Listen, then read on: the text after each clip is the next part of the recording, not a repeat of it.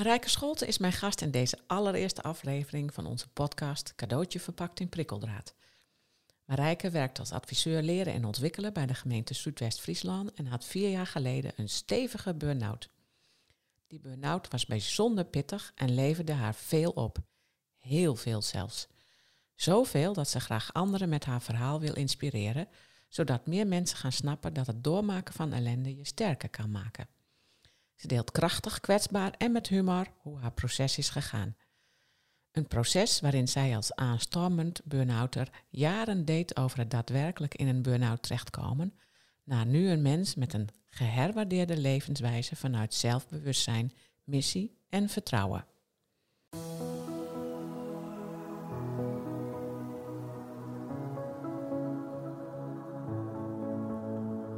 Dit is de podcast Cadeautje verpakt in prikkeldraad met Greet Vonk. Moeilijke tijden zijn ook cadeautjes, hoe lastig ze ook zijn. Helaas zitten ze wel verpakt in prikkeldraad. In deze podcast willen we je inspireren en kennis aanreiken, waardoor je een andere kijk krijgt op de ellende van jezelf of van iemand anders. Met als uiteindelijk doel om een completere versie van jouzelf te worden en of om dat proces bij de ander te ondersteunen.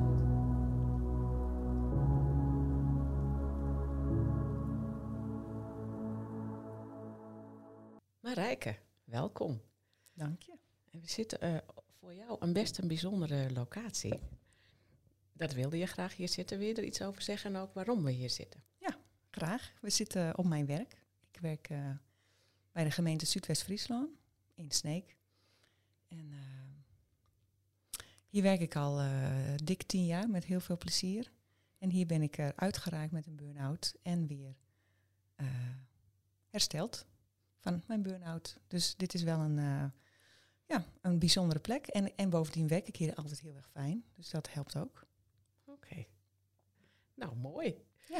Nou ja, wij kennen elkaar al een poosje, hè? Ja. Mijn collega Anja en ik hebben jou begeleid uh, tijdens jouw burn-out. Yes. Dat was best een bijzondere uh, periode voor jou. Je hebt er ook mooie dingen over geschreven. Um, wil je er iets over vertellen? Wat je, hè, want je hebt ook iets iets geschreven in ons boek, een mooi hoofdstuk. Wil je er iets over vertellen van ja, hoe was je nou eigenlijk in die burn-out geraakt en hoe zit je nu in het leven? Ja, ja dat wil ik wel. En um, het is leuk dat je me hiervoor vroeg om uh, te gaan praten, terwijl ik altijd denk dat ik meer hou van schrijven. Dus dit is weer een nieuwe uitdaging voor mij en uh, ook superleuk om te doen. Um, ja, hoe, hoe een burn-out ontstaat, hè, dat is natuurlijk voor iedereen denk ik wel verschillend. Maar ik heb echt goed mijn best voor gedaan om dat uh, langduriger op te gaan bouwen. Um, dus um, ik denk dat, het, uh, dat ik daar nou, wel een jaar of zeven of zo mee uh, bezig ben geweest om aanstormend burn-outer te worden. en het is me heel goed gelukt ook. Aanstormend burn-outer. Ja, laten we het dus als... Mooi begrip, die heb ja, ik nog nooit gehoord. Het is een mooie uitdaging voor sommige mensen. Uh, het is mij goed gelukt, maar hoe ik daarmee begonnen ben, ja, uh, ik denk toch dat je bepaalde patronen in je gedrag hebt zitten. Voor mij geldt het in ieder geval wel, die, we, die ervoor zorgden dat ik uh, steeds maar doorging en niet goed luisterde naar wat echt voor mij belangrijk was en goed voor mij was. Want dat schreef ik ook al in jullie boek. Ik, ik, ik had, heb een heel erg mooi leven. Ik heb leuk werk. Heb, als ik over toen praat, ik had leuk werk. Ehm, fijne relatie, leuke kinderen, uh, goed gezond, uh, fijne sociale context om me heen. Dus ja, wat voor reden had ik nou om een burn-out te krijgen? En eigenlijk, uh, eigenlijk is dat wel een beetje een rode draad steeds in mijn, in mijn uh, leven. Een van die patronen dat ik steeds merk, ja, een ander heeft het toch altijd erger of ehm, die heeft meer reden om te klagen. Of ja, je mag pas moe zijn als je echt iets hebt meegemaakt. Of klagen als je echt iets hebt meegemaakt. Dus dat, ja, dat zorgde er eigenlijk voor. En ik had ook eigenlijk nooit echt iets meegemaakt, moet ik erbij zeggen. Want ik had gewoon echt een fantastisch leuk leven. Dus niks te klagen. En ik was ook opgevoed met niet klagen. Want ik heb hele flinke ouders en een hele flinke zus. Dus um, ja, een ander heeft het altijd erger. Dat was toch wel een van de mantra's bij ons thuis die ik meegekregen heb. En toen gebeurde er een jaar of um, acht, negen geleden gebeurde er iets heftigs met mijn middelste zoon. En dat uh, kwam uiteindelijk weer helemaal goed. En op datzelfde moment raakte mijn man zijn uh, werk kwijt. Dus dat waren dan ook weer dingen. Nou, dan, dan heb je een keer iets, zeg maar. Maar ja, dat ging allemaal daarna weer goed. Dus had ik alsnog niks om te klagen. Dus ik ging maar weer door en weer door. En ja, en, en toen dus even kijken, dat is nu vier jaar terug.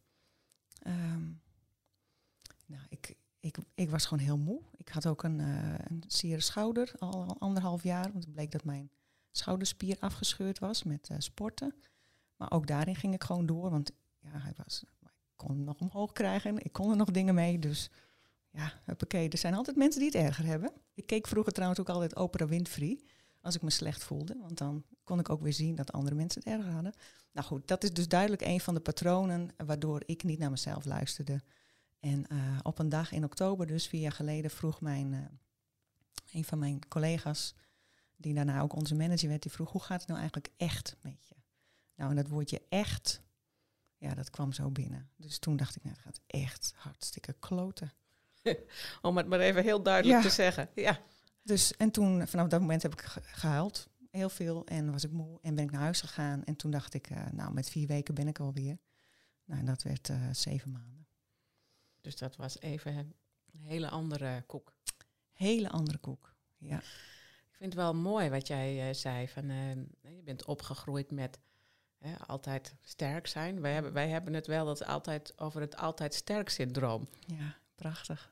Ja, en, en mensen hebben wel eens hè, denken dat dan een slachtofferrol heel vervelend is. Maar het altijd sterk syndroom is um, meestal, nou misschien soms nog wel erger. Want je blijft jezelf. Ja, ja je veerkracht. Je hebt, ja, de meeste mensen die een burn-out krijgen, die hebben heel veel veerkracht. Hè? Ja. En die gaan ze dan misbruiken. En dan, dan ja. heb je het over het altijd sterk syndroom. Ja. Dat is eigenlijk wat jij ook gedaan hebt, als ik dit zo hoor. Ja, heel herkenbaar. Ja. En, en het brengt je ook veel, hè? Dat is de andere kant weer. Ja, die patronen hebben je ook heel erg geholpen. Ja, zeker. Um, alleen, ja, op een gegeven moment, als het patronen zijn en niet keuzes, hè, dat je altijd maar een beroep doet op, op je veerkracht en, ja. en het is geen keuze, ja, dan wordt het een ander verhaal. Nou, ja. daar ben je goed mee geconfronteerd. Ja, dat was een uh, interessante les. Ja. En toen, hoe, hoe, wat gebeurde er allemaal met je? Ja, nou, in het begin uh, uh, gewoon fysieke vermoeidheid en heel veel huilen. En niet willen erkennen dat er echt iets aan de hand was. Want ja, ik, een burn-out, hou op. Sowieso, dat woord gebruikte ik in het begin al niet. Ik was gewoon moe, want ik had hard gewerkt. Dus dan ben je moe, klaar. Maar um, ja, nee, ik, ik, ik was vooral ook bezig met mijn imago redden. Van uh, ja, maar ja, uh, vier weken heb ik wel genoeg aan. Dat zei ik ook toen tegen mijn manager destijds. Van, die zei, kan ik nog wat voor je doen? Ik zei, ja, ik wil graag dat jij overal vertelt dat ik gewoon vier weken vakantie heb. En niet, nou, dat, dat werkt natuurlijk niet, hè. Maar goed, het duurde dus een maand of drie voordat ik echt uh, kon uh, accepteren, erkennen dat het echt niet goed ging en dat ik mezelf en mijn lijf flink lang al verwaarloosd had. Dus, en daar heb ik jullie ook bij nodig gehad om dat te voelen. Maar ook mijn, mijn schouder. Uiteindelijk kreeg ik wel de diagnose dat mijn schouder afgescheurd, of mijn schouderspier afgescheurd was. En dacht ik, oké, ook daar heb ik niet goed naar geluisterd. Nou, dus toen kwamen twee dingen eigenlijk heel goed bij elkaar. En toen kwam ik tot een enorm dieptepunt. En daarna weer ging het de goede kant weer op. Ja.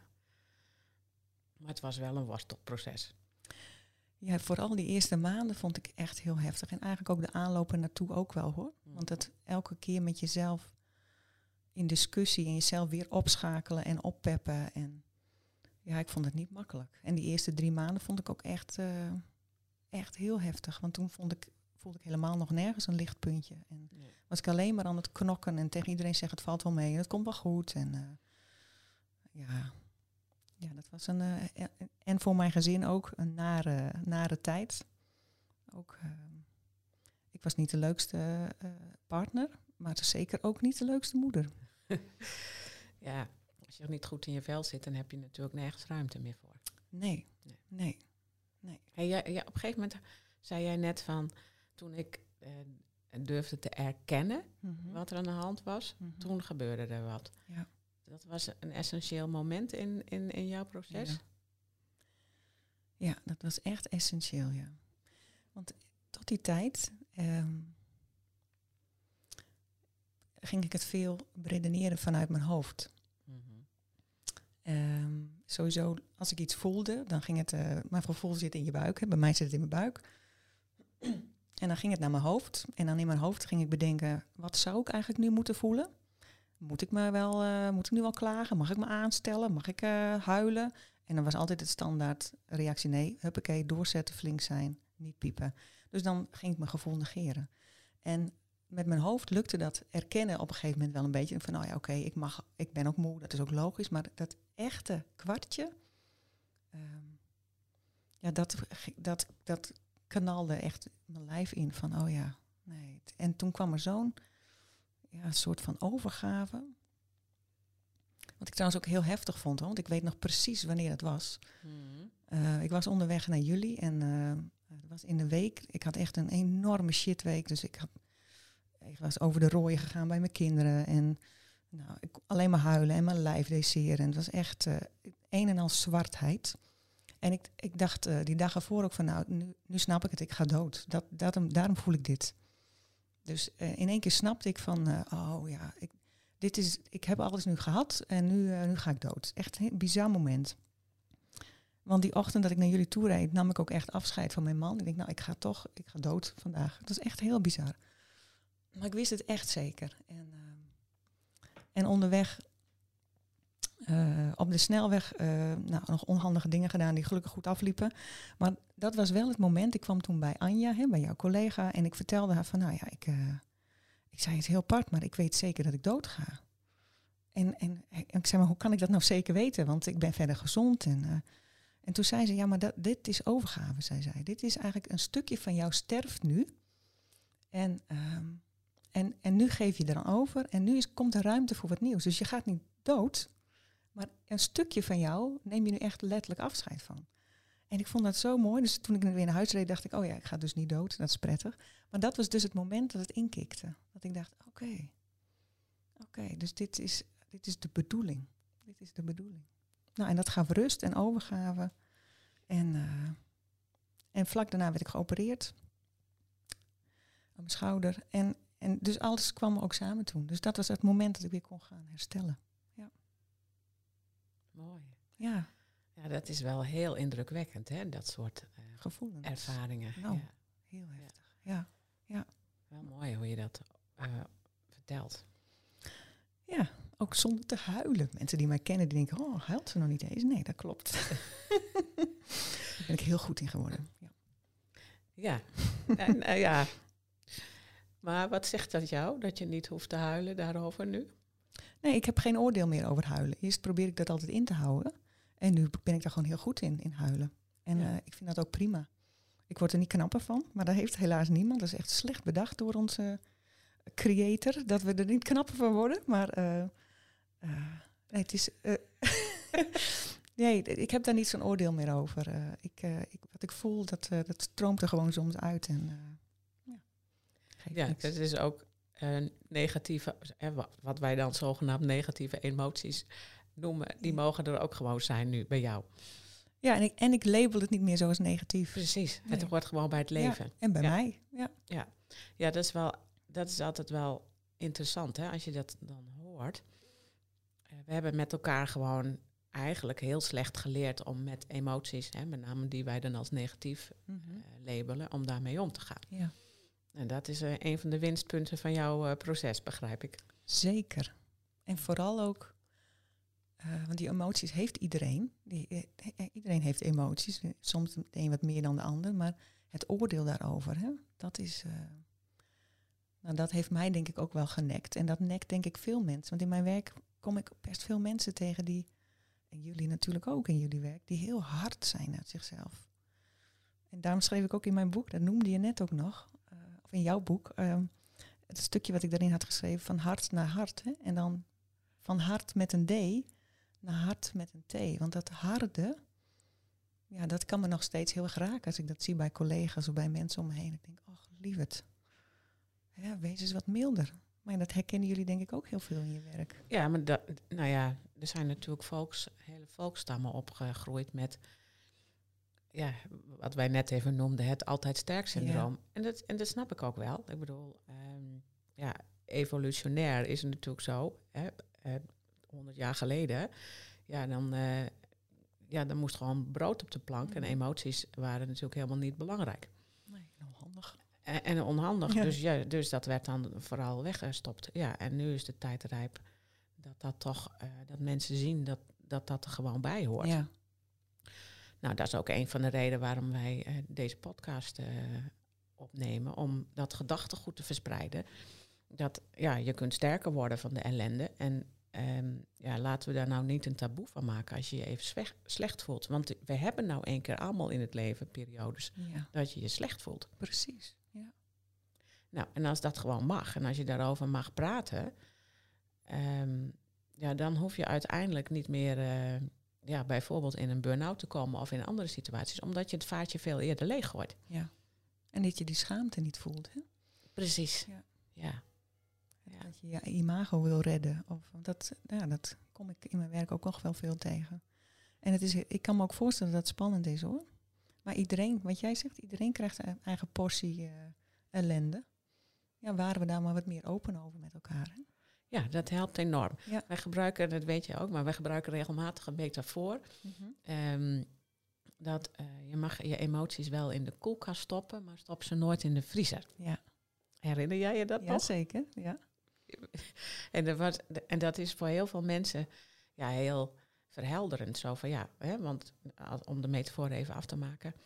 Als jij eh, ja, alsmaar je emoties in de, in de vriezer stopt, dan op een gegeven moment is die vol. En dan kan de deksel niet meer dicht. En dan, eh, ja, dan ontdooit de hele handel. Ja. En dat, ja, dat kun je allerlei ziektelabels geven. Of, eh, maar één daarvan is bijvoorbeeld burn-out of depressie of whatever. Ja. Ja. En dat ga jij nu niet meer doen, die vriezer zo vol stoppen. Nou, niet zo vaak. ik, heb, ik, ik kan niet zeggen dat ik nu eh, ehm, dat allemaal perfect kan. Ehm, gelukkig ook niet, denk ik. Hè? Dat, eh, en, en dat hoeft dus ook niet. Want als ik dus nu onhandige dingen doe, die ik dus ook nog regelmatig doe, ehm, nou, dan brand ik mezelf niet meer zo af. Dan denk ik, oh ja, daar doe ik het weer. Leuk voorbeeld misschien. Toen jij me vroeg voor deze podcast, en ook vertelde wie er nog meer kwamen met welke mooie ervaringen nog. Dacht ik, oh, en dan moet ik daar ook iets vertellen. Ik, ik heb alleen maar een burn-out gehad. Dus ehm, dan ging ik me weer kleiner maken. ehm, weer vergelijken, zoals ik dat altijd standaard doe. En ik denk, ja, dat doe ik het weer. Dus dan begin ik mezelf al een beetje uit te lachen. En denk, oh god, hou er nou eens mee op. Nou, en dan heb je dus even in mentaal even een discussie met jezelf. En dan corrigeer ik dat weer. Nou, en dan ga ik weer zorgen dat ik plezier maak. En en dat, dat is nu wel, ja, ik heb het wel geleerd, maar ik doe het nog steeds net zo vaak. Dat, dat, triggert wel weer nog steeds oude patronen. En, eh, Ja, maar je gaat er nu heel bewust mee om. ja, ik lach mezelf liefdevol uit. Ja, mooi. Ja, ja regelmatig ook. Hey, jij vertelt eigenlijk zo in dit gesprek al heel veel dingen. Hmm. Ehm, ja, dat je op een aantal gebieden goed veel wijzer bent geworden. Ehm, wist jij eigenlijk dat je sterker kon worden van de ellende in je leven? Nee, ehm, nee, zeker niet. Of misschien hoopte ik het stiekem wel, maar ehm de heerste, en nog wat jij vertelt, al zie ik het wat minder vaak nu, maar er heerst toch nog best wel vaak eh, een soort taboe of, of het beeld van nou, je, je blijft toch zwakker als je een burn-out hebt gehad. En op sommige plekken kom ik het ook nog tegen, nu ook nog hoor. Als ik ehm, heel simpel ergens ben en dan eh, die mij een tijdje niet gezien heb en dan vragen ze "Oh, hoe gaat het? En ik zeg nou, poeh, nou, pittige dag vandaag. Oh ja, ja, dat is nog steeds zo dat je een beetje op moet passen. Hè? Dan denk ik, hè, nee, ehm, ik heb gewoon een pittige dag. Dat heeft iedereen wel eens. Dus het, het taboe dat je, dat je altijd nog een beetje zwakker blijft of ehm, op je grenzen moet letten, dat, dat is het toch ze nu dan nog wel. Dat was het toen ook wel. Ja, dat, dat herinnerde ik me nog. Ja. Dat, we, dat jij ook op je werk toen mensen tegenkwamen die Ja. voortdurend tegen je zeggen, zeiden van, ehm, nou, nou mag je, mag je de rest van je leven op je grenzen blijven eh, letten. Ja. Goed bewaken. En ook tijdens het herstellen, hè, het reintegreren ook van eh, nou eh, op tijd stoppen, niet over je grenzen heen gaan. Hè, als je twee uurtjes aan kunt, nou dan moet je eigenlijk na vijf minuten voor die twee uurtjes moet je al stoppen. Ja, ik werd daar zelf ook wat, Ja, dat gremietig, ken je dat woord? Nee. Nee? Oh, dat is een Fries woord. Ik kom, dat hoort natuurlijk niemand dat ik uit Friesland kom. um, maar gremietige betekent een soort vastbijtend uh, uh, vel. Dat je, dat je echt denkt van, ja, maar hallo, dacht het dus even niet. Nou, dat, die houding heeft me ook al heel ver gebracht. Maar ook lekker de vernieling in geholpen, dat ook. Maar het gremietig in mij dacht van, ja, maar hallo, als jij zegt dat ik vijf minuten van tevoren moet stoppen, nou, dan doe ik vijf minuten langer. Ja, precies. En ja, dan ga je wel eens op je bek. Dat klopt. Maar ja, en, en dat fijne is, en randvoorwaardelijk, dat vind ik echt belangrijk om te benoemen, hoor, Dat als je dan mensen om je heen hebt die zeggen, of dat maakt een wereld van verschil, dat je mensen om je heen hebt die zeggen, nou joh, dan ga je toch vandaag even op je bek, dan kijk je morgen weer verder. Dat is zo'n verschil met iemand die zegt, oh zie je wel, daar deed je het wil. Jij kan dit niet, volgende keer met tien minuten van tevoren eerder stoppen. Ja, precies.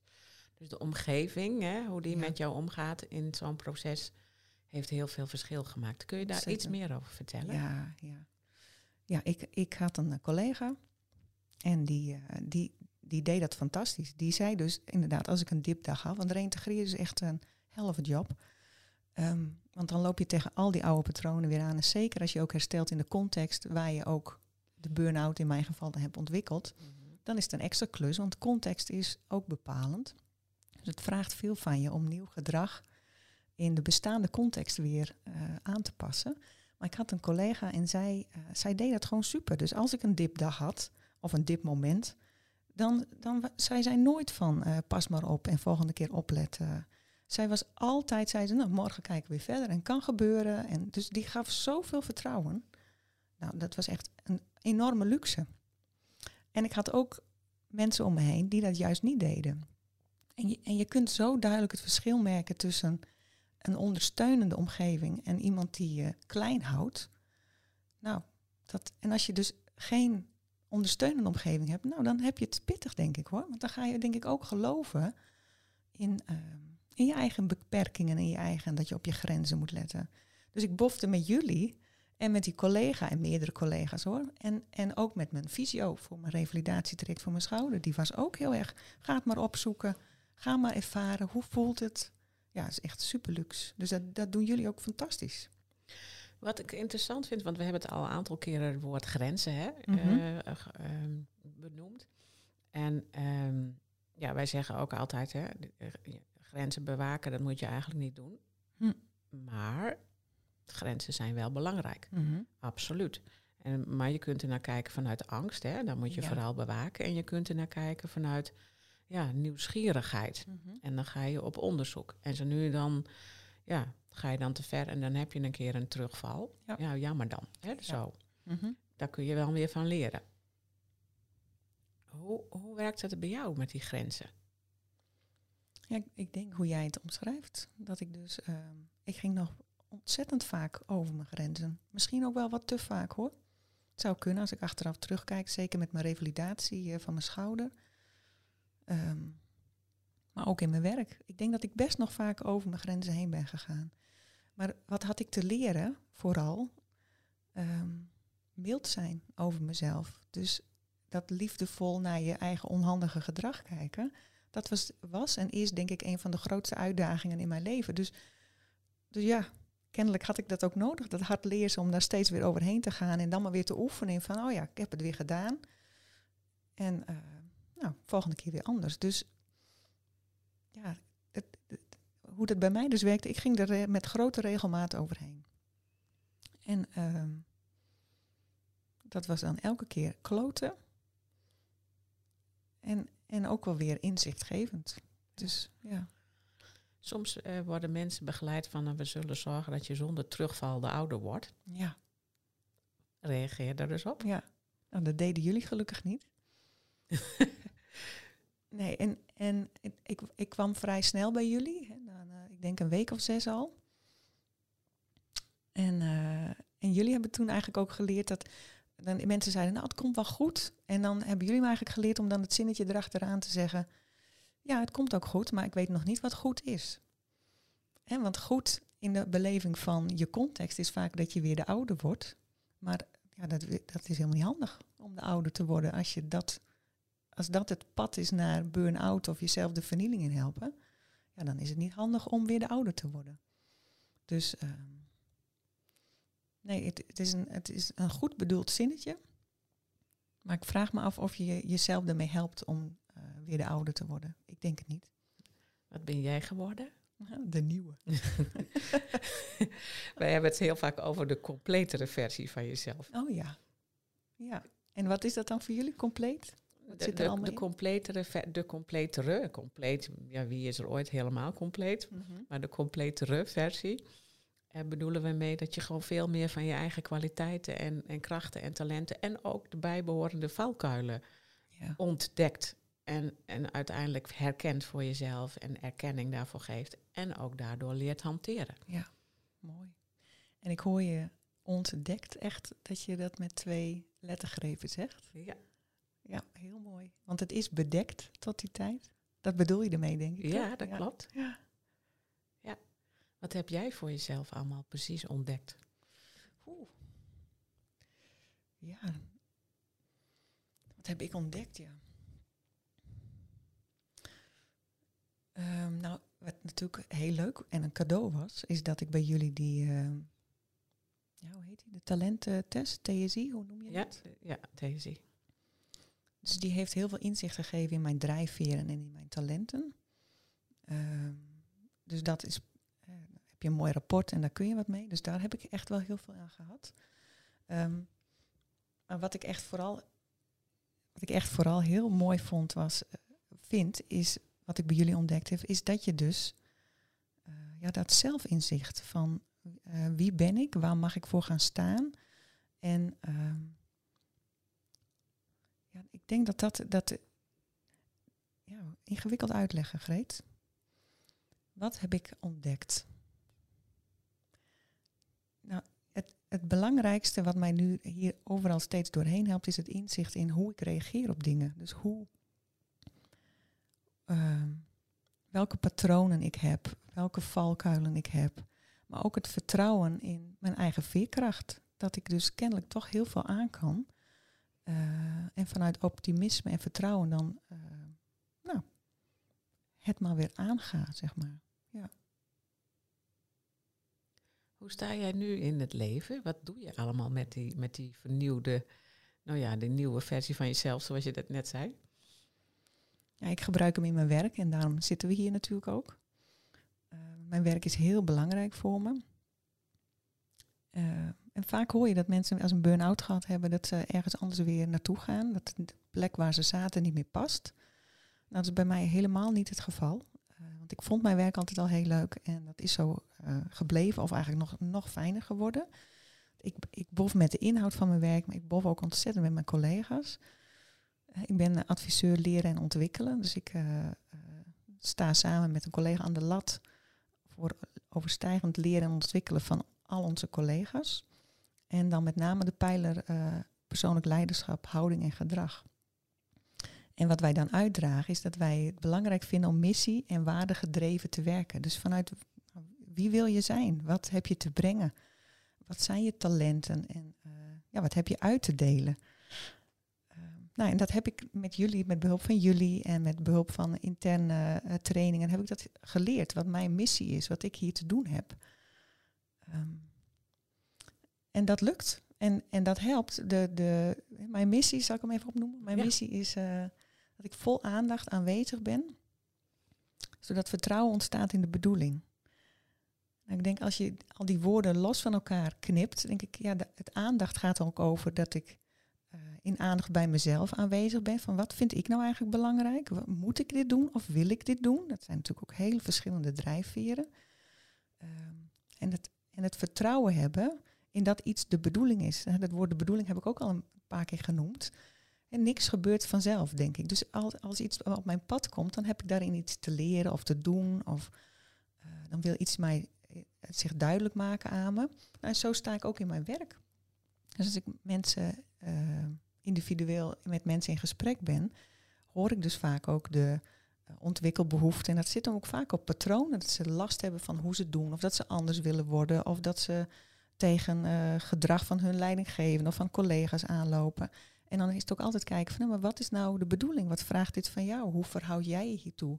Dus, dus dat stukje uh, missiegedreven werken, dat ik daarbij kan blijven, dat, dat, eh, dat ik met die mensen mee kan onderzoeken van wat wil dit, wat vraagt dit van jou en hoe sta jij hierin, dat, dat kan ik echt in mijn werk leggen, denk ik.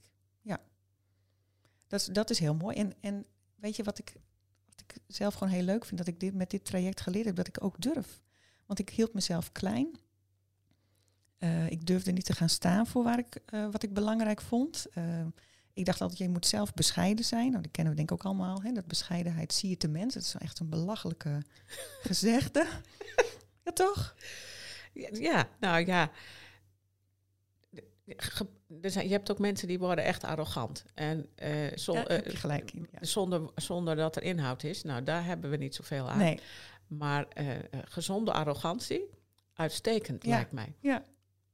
Nee, oké. ik hoop ook dat iemand mij even aantikt als ik dat word. Want het is echt zeker mijn bedoeling niet. Maar ik, ik probeer wel altijd op te roepen dat je, je hebt er niks aan als je zelf, jezelf klein maakt. En dat deed ik wel heel erg. Dus dat, ja, dat, dat deed ik heel erg. En tot ik dus op een gegeven moment dacht, ja, eh, fuck it. Ehm, eh, ik doe er net zoveel toe als iedereen anders. Dus, dus wie doe ik er nou eigenlijk een plezier mee om zelf zo klein te blijven? Dus dat is ook heel luxe dat dat ook kan in deze organisatie. Dat dat mag. En dat ik hier gewoon fuck it mag roepen zo nu en dan. Moet soms op mijn woorden passen hoor. Maar dat dat gewoon ook mag hier. En eh, dat is gewoon ja, heel prettig. Ja, je hebt daar ook op een gegeven moment een, ehm, op LinkedIn een post eh, over gemaakt, hè? over dat fuck it. Ja. Wil je daar iets over zeggen? Ja. Want dat was toen zo leuk, vond ik. Ja, dat was fantastisch, ja. Ja, de aanleiding van die post, eh, dat was... ehm, ja, ik had een lezing hier intern gehouden. Ik had eerder een column geschreven in ons personeelsblad. En met als titel Fuck It. Nou, dat- dat is gewoon een woord wat lekker bekt. Dus dat werd toen veel gelezen. En toen eh, mocht ik een lezing geven daarover. En dat was altijd al mijn droom. Want ik, ik hou van schrijven, ontzettend. Maar ik hou stiekem ook heel erg voor, voor groepen staan. En dingen vertellen en voorbereiden en mooie plaatjes. En dat vind ik heerlijk om te doen. Dus, dus toen werd ik daarvoor gevraagd om te doen. Nou, en dat liep als storm in die... eh, dat is trouwens ook in dit gebouw. Het liep als storm in dit gebouw. En voor die, voor die lezing was superleuk. Echt enorm spannend ook, maar echt superleuk. En toen heb ik daarover een, een bericht geplaatst op LinkedIn. En, eh, en op een gegeven moment zeiden mijn kinderen... Jeetje, je hebt gewoon meer views als Enzo Knol. Dus die, ik was voor hun ook helemaal, helemaal eh, stoer geworden. En dat was, dat was ook echt heel erg mooi. Want dat ging dus ook over het fuck it deel. Het, dat is toch een woordje wat mij drijft om uit mijn comfortzone te komen. Van ja, hallo, ik doe er ook toe. En eh, een soort schop onder de kont, alleen dan ietsje liefdevoller. En dat, dat probeer ik dus ook uit te dragen naar anderen. Want ik, vind het, ik kan ook zo genieten als andere mensen succes hebben of doen waar ze blij van worden of eh, hun talent laten zien. Dat, dat is, ja, daar kan ik echt van genieten. Dus dan denk ik, ja, dan kunnen andere mensen ook genieten als ik dat doe. En als je jezelf dat toestaat, ja, dat is heerlijk. Maar die post ging inderdaad viral en nou, ja, ik, ik had het nog nagekeken, iets van 100.000 views. Nou, dat is toch, ja, was zo ontzettend kicken. Heerlijk. Ja, dan Ja. maak je toch het verschil ook voor mensen, hè? met zo'n woordje, zo'n simpel woordje. Ja, En met een beetje humor zit er natuurlijk dan ook in. ja, graag. Ik moet blijven lachen natuurlijk. Ja. Maar nog steeds op een positieve manier achtervolgt dat fuck it mij ook nog. Want er zijn nog steeds collega's die dus zeggen dat ze daardoor geïnspireerd zijn en keuzes gaan maken die goed zijn voor hun. Nou, dan, dat, daar krijg ik kippenvel van. Dat is toch fantastisch. Ja, heel Ja. mooi. Ja, Ja, dat wordt, ik krijg er zelf bijna letterlijk kippenvel ja van. want ik het is ook. Het is zo'n is- cadeau. Dat je, ja, precies, dat je voor zoiets, ja, door, Ja. door gewoon jezelf te zijn eh, en uit te dragen wat jij hebt meegemaakt, ehm, ja, dat je zoveel voor anderen kunt betekenen. Ja. ja, dat is... eh, want jullie podcastserie heet Cadeautjes verpakt in prikkeldaad, begreep ik. Ja, dit is, de, hier zat niet eens prikkeldraad omheen, maar dit, was, dat, dit zijn ook echt hele leuke cadeaus. Ja. Ja, ja prachtig. en dit raakt jou ook, hè? Ja, dit ja, dat vind ik mooi. ja. Ja. ja, mooi. Ja. Hey, ehm, wat, eh, wat wil je hier verder mee? Want dat fuck had je op een gegeven moment zoiets van, nou, daar wil ik een soort van beweging in maken. Ja. Nou, toen, eh, we hebben zelfs samen nog een keer een, eh, een workshop gegeven. Hè? Dat Ja. jij jouw fuck it deel deed en ik een stukje over posttraumatische groei, sterker door is heel leuk. Nou, en toen kwam corona, dus toen eh, ging het allemaal maar. Wat, wat wil je daarmee? Heb je daar nog een bepaalde missie in? Ja. Nou, sowieso draag ik die missie uit in mijn werk. Hè? Dus ik, ik roep ook zoveel als maar kan mensen op om te gaan doen waar je blij van wordt. Ehm, en niet zo te oordelen over jezelf. Dus dat stuk eh, probeer ik gewoon in mijn dagelijkse werk eh, eh, vorm te geven. En, en ehm, het kriebelt wel weer, moet ik zeggen, om weer een, een, een lezing te maken. En deze podcast helpt daar natuurlijk ook al bij. Want dan kun je ook weer eens even nadenken van, oh ja, wat vind ik ook alweer belangrijk en waar sta ik ook alweer voor? En wat, wat wil ik de komende tijd? En um, dus ik heb plannen om weer een, uh, een, een, vervolglezing te geven. En die gaan niet Fuck It heten. En Fuck It deel 2 klinkt ook niet zo leuk. Maar wel ook weer om mensen hopelijk te inspireren. Uh, ja, met, met de dingen die, waar ik tegenaan gebotst ben. En niet om dat te voorkomen bij anderen, maar wel om ook, denk ik, ook vertrouwen en hoop te geven. Van ja, uh, dat prikkeldraad, dat moet je inderdaad eerst uit zo'n cadeautje, om zo'n cadeautje vandaan halen. Wat is het zo waard? Wat is het zo waard? Dus dat hoop ik weer meer te gaan doen. En schrijven vind ik ook nog steeds heel leuk. En tegelijkertijd, um, het komt ook zoals het komt. Dus soms voel ik enorm die, die rush om iets te gaan doen en om meteen, om meteen uh, uh, weer op de volgende golf te springen. En met een lezing en deel 2 en een podcast en, en schrijven. En soms denk ik, nou rustig maar. Het komt op het moment wanneer ik daar uh, zin en tijd voor heb. Dus ik zie ook wel wat op mijn pad komt. En nu kwam jij ineens op mijn pad. Dus dat is toch ook al superleuk. Ja, nou ja. Moet opeens denken aan een, uh, een stukje wat jij in ons boek hebt geschreven. Ja. En uh, nou, dat vind ik, past wel heel mooi op dit moment in het gesprek. Dus okay. dat, dat um, vind je, wil je dat zelf voorlezen of vind je liever dat ik... Uh, nee, doe jij dat maar met je. Een niet accentloze stem. nou, dat is maar de vraag of dat zo is. Maar um, nou, jij hebt hè, in, in, even voor, voor de luisteraars, um, wij hebben eh, een boek geschreven dat heet Posttraumatische groei sterker door ellende. En er staan ook een heleboel uh, casussen in. En Marijke heeft daar zelf een stuk voor geschreven. Mm -hmm. En een uh, klein stukje uit haar uh, tekst gaat over. Ergens in het begin schrijft ze van, nou, ik had mijn leven mooi op orde, dacht ik. Mm -hmm. Maar dat bleek dus een beetje anders te lopen, zoals ze net al vertelde. En op een gegeven moment schrijft ze, en nu lees ik dus voor. Ik heb nu opnieuw mijn leven mooi op orde. Ik ben erachter gekomen dat het niet gaat over hoeveel je doet, maar over waar je het vanuit doet. Ik deed dingen om mijn omgeving te pleasen en om te voorkomen dat ik faalde. Die lat lag onrealistisch hoog. Door de focus te leggen op waar ik gelukkig van word en hoe ik het beste van mezelf geef, kan ik bewustere keuzes maken die goed zijn voor mij en mijn omgeving. Ik durf nu meer en denk steeds vaker, fuck it Marijke, ga ervoor. Er zijn immers altijd goede redenen om iets niets te doen. Maar ik voel steeds vaker wat het me oplevert om het wel te doen. Een burn-out maakt je niet kwetsbaarder, juist niet. Het maakt je sterker in jouw zijn. Dat is posttraumatische groei. Ja.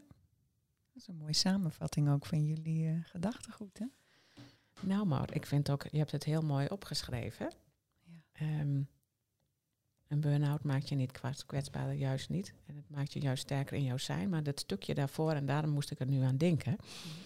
van um, en hoe ik het beste van mezelf geef, kan ik bewustere keuzes maken die goed zijn voor mij en mijn omgeving. Nou, dat was denk ik heel mooi wat je net schreef van hè, hoe je ook voor collega's en mensen in je omgeving, nou ja, het verschil maakt.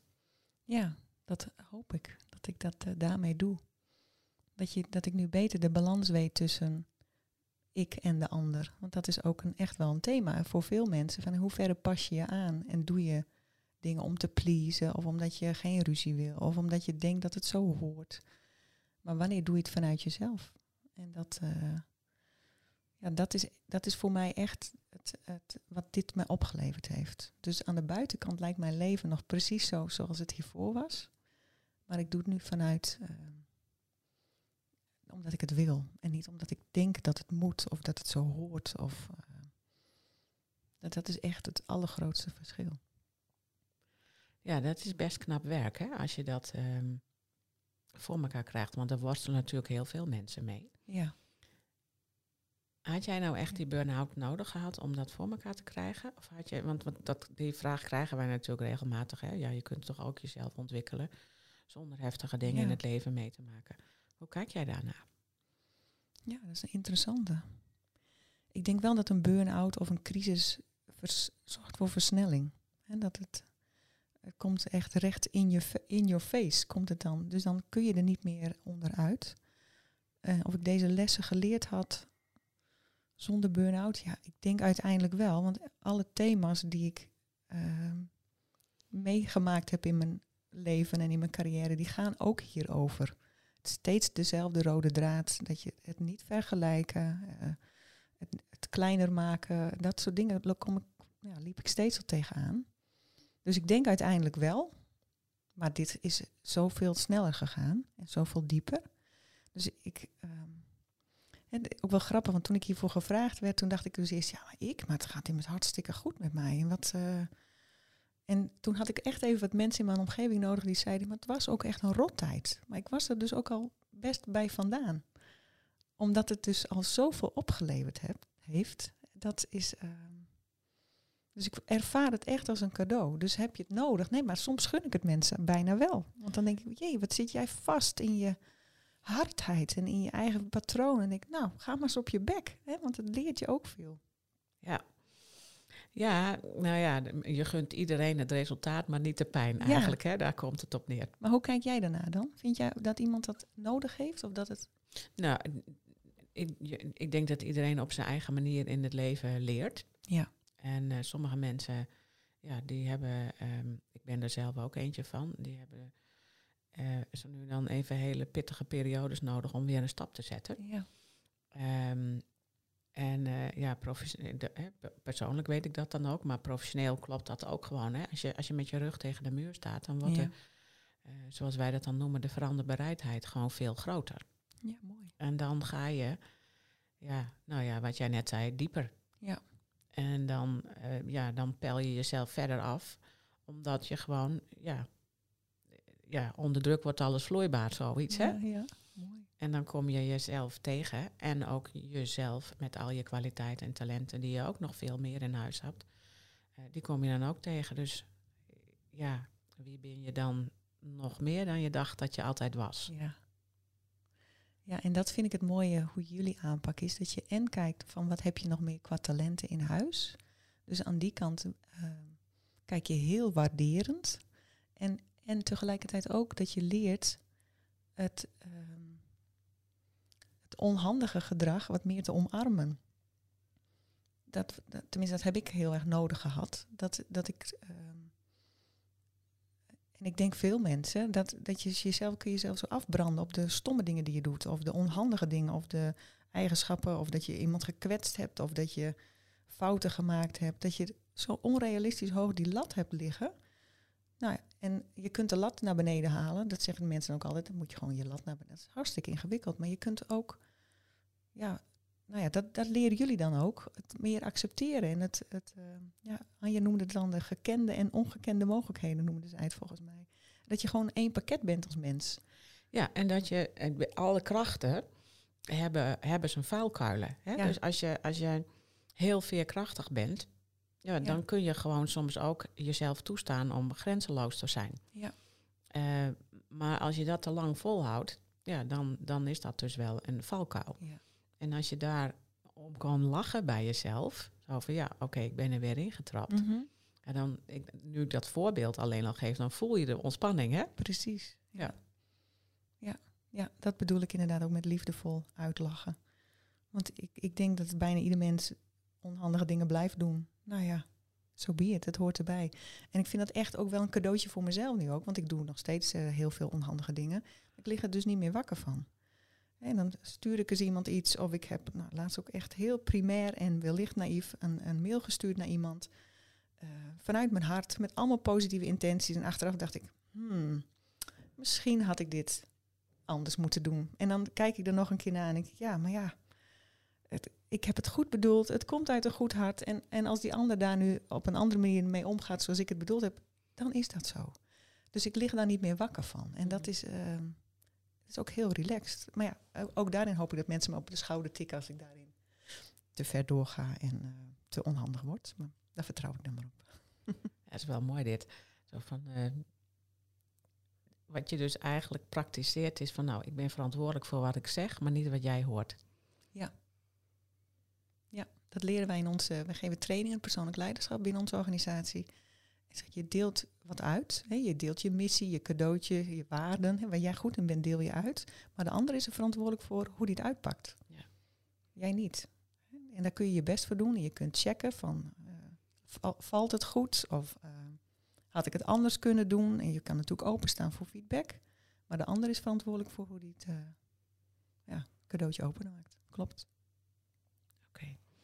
Ik wil nog naar één onderwerp even terug waar we het in deze podcast over hadden.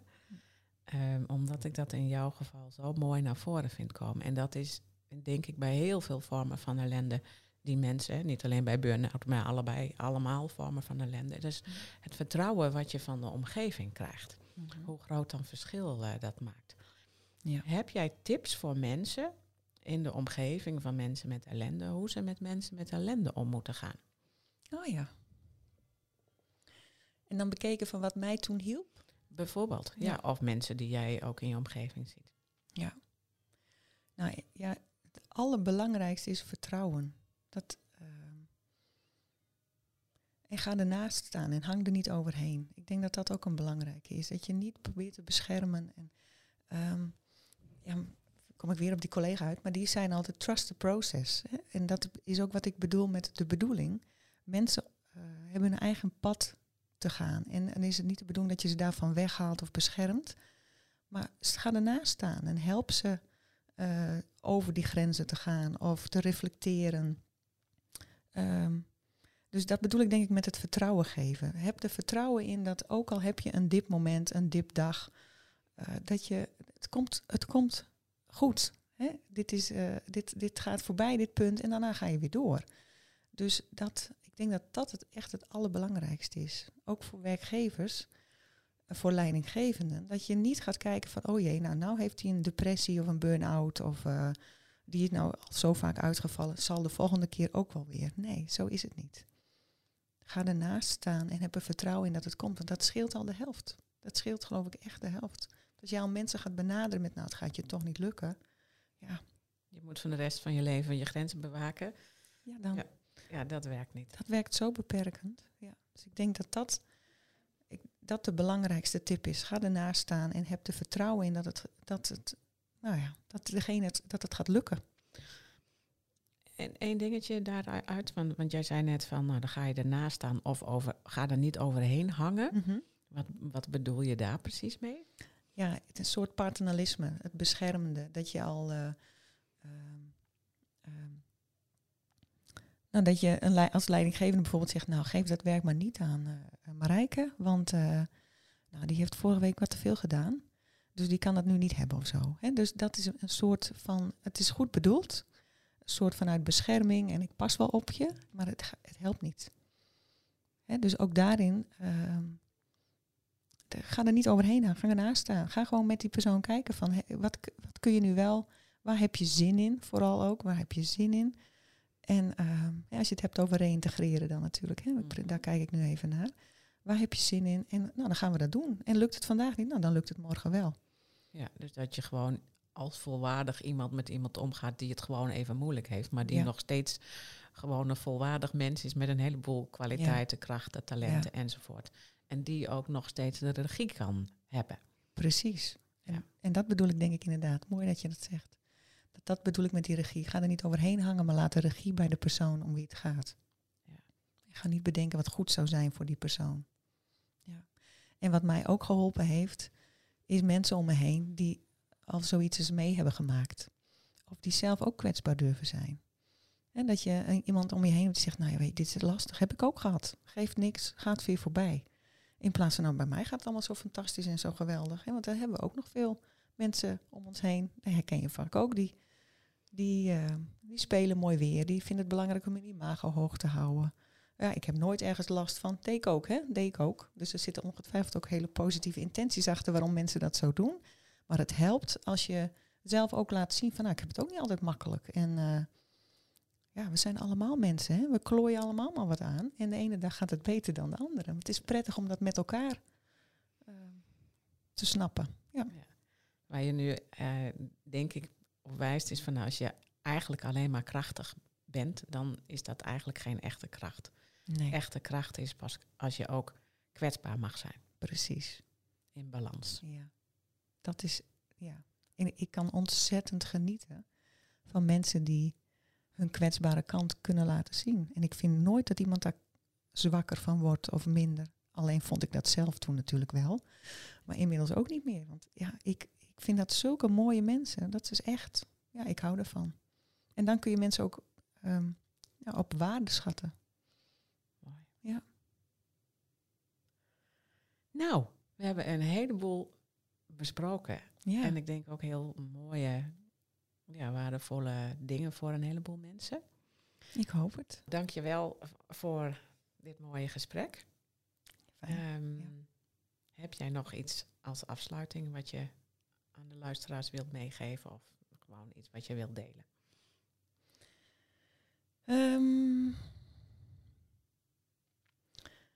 nou, waar ik um, toen ik die post plaatste op LinkedIn, noemde ik daar het stukje van hart met een D naar hart met een T. En daar kreeg ik heel veel mooie reacties op. Dus dat is misschien wel het laatste wat ik, uh, als je dan toch mensen, als je een soort van cadeautje uit mag delen, dat ik dat mensen gun.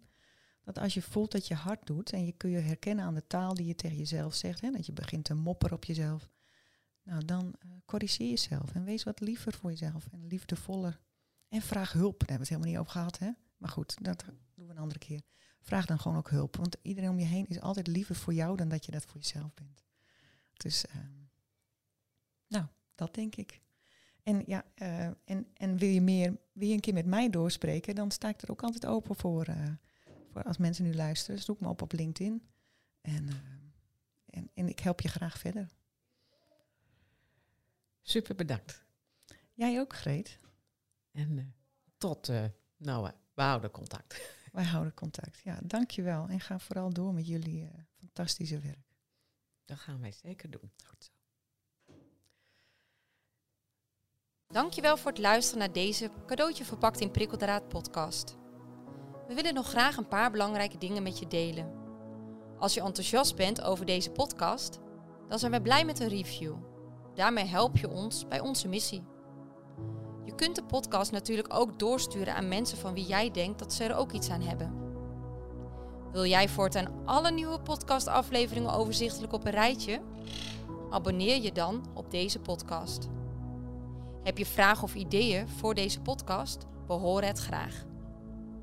Je kunt een mail sturen naar info@sterkerdoorellende.nl of Greet Vonk een bericht sturen op LinkedIn. Zoveel mensen kunnen profiteren van een andere kijk op ellende. Het is daarom onze missie om PTG bekender te laten worden dan PTSS. Wil jij meer weten over PTG of bijdragen aan onze missie? Kunt op onze website www.sterkerdoorellende.nl onze boeken bekijken en eventueel kopen de e-learning bekijken, een gratis inspiratiesessie volgen, de PTG-vragenlijst invullen, workshops en opleidingen boeken. We hopen dat deze podcast jou heeft geïnspireerd, zodat je in tijden van ellende in jouw leven of werk kiest voor het positieve en hoopvolle gedachtegoed van PTG. Voor jouzelf, je familielid, je vriend, vriendin, collega, klant, voor wie dan ook. Tot de volgende keer.